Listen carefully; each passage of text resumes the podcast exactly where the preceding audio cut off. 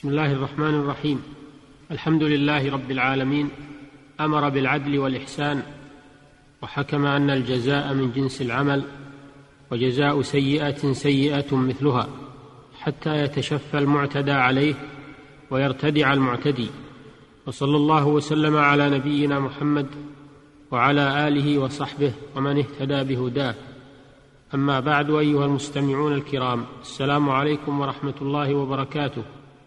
نتحدث إليكم في حلقتنا هذه في موضوع الديات وكنا فيما سبق قد تحدثنا عن مقادير ديات النفس فلنتحدث الآن عن بيان مقادير ديات الأعضاء والمنافع ولنبدأ ببيان دية الأعضاء. قال بعض العلماء في الآدمي خمسة وأربعون عضوا وهذه الأعضاء منها ما في الإنسان منه شيء واحد. ومنها ما في الإنسان منه اثنان فأكثر.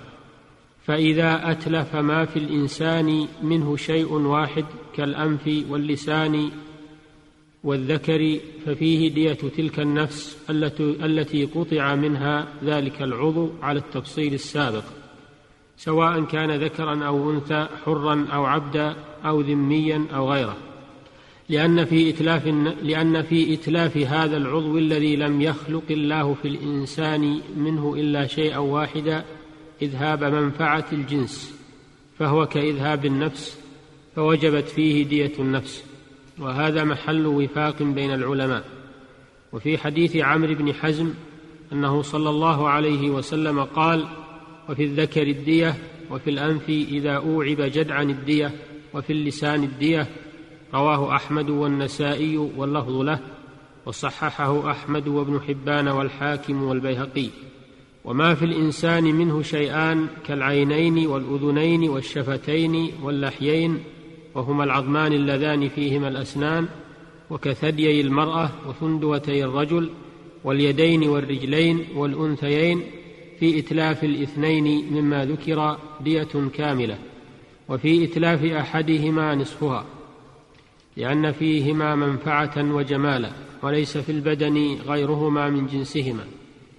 قال الموفق بن قدامة رحمه الله لا نعلم فيه مخالفا وفي كتاب عمرو بن حزم أن رسول الله صلى الله عليه وسلم كتب له وفي الأنف إذا أوعب جدعا الدية وفي اللسان الدية وفي الشفتين الدية وفي البيضتين الدية وفي الصلب الدية وفي العينين الدية. وفي الرجل الواحدة نصف الدية. قال ابن عبد البر رحمه الله كتاب عمرو بن حزم معروف عند العلماء وما فيه متفق عليه إلا قليلا. وما في الإنسان منه ثلاثة أشياء إذا أتلفها جميعا ففيها دية كاملة. وفي الواحد منها ثلث الدية. وذلك كالأنف فإنه يشتمل على ثلاثة أشياء هي المنخران والحاجز بينهما فتوزع الدية عليها كما توزع على الأصابع.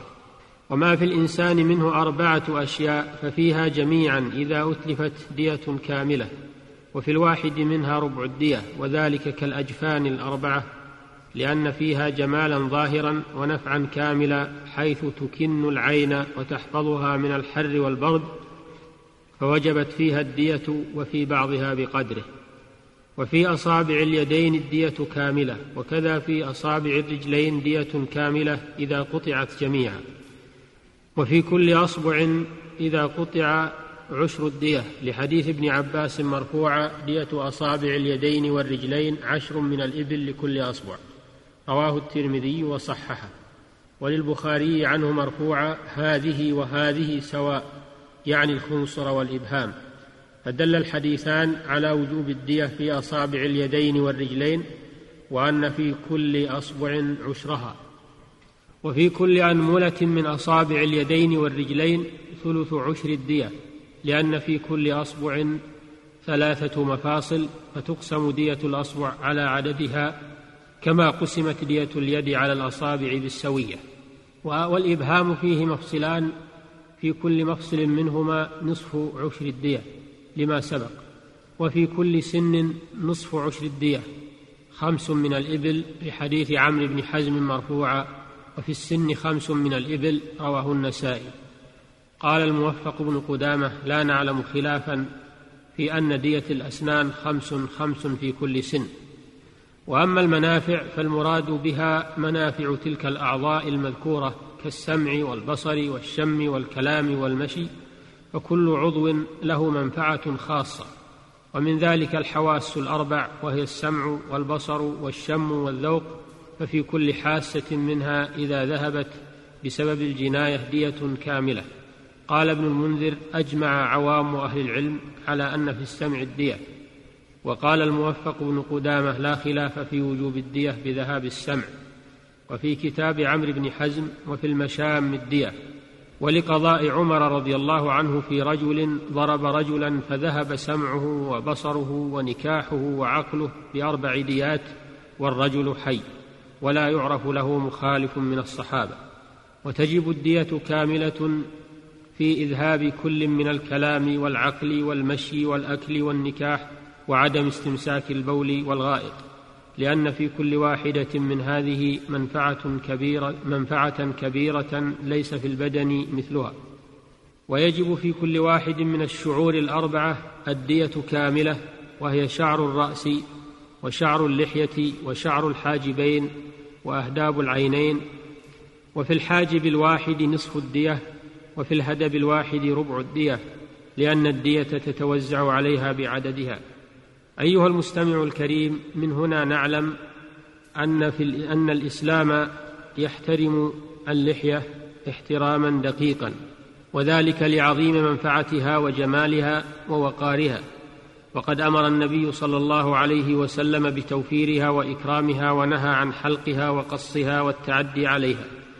فتبا لقوم حاربوها واعتدوا عليها بحلقها وإزالتها من وجوههم تشبها بالنساء وتشبها بالكفار والمنافقين وتحولا من الرجولة والشهامة إلى الميوعة وهكذا يقضى على المرء في أيام محنته حتى يرى حسنا ما ليس بالحسن.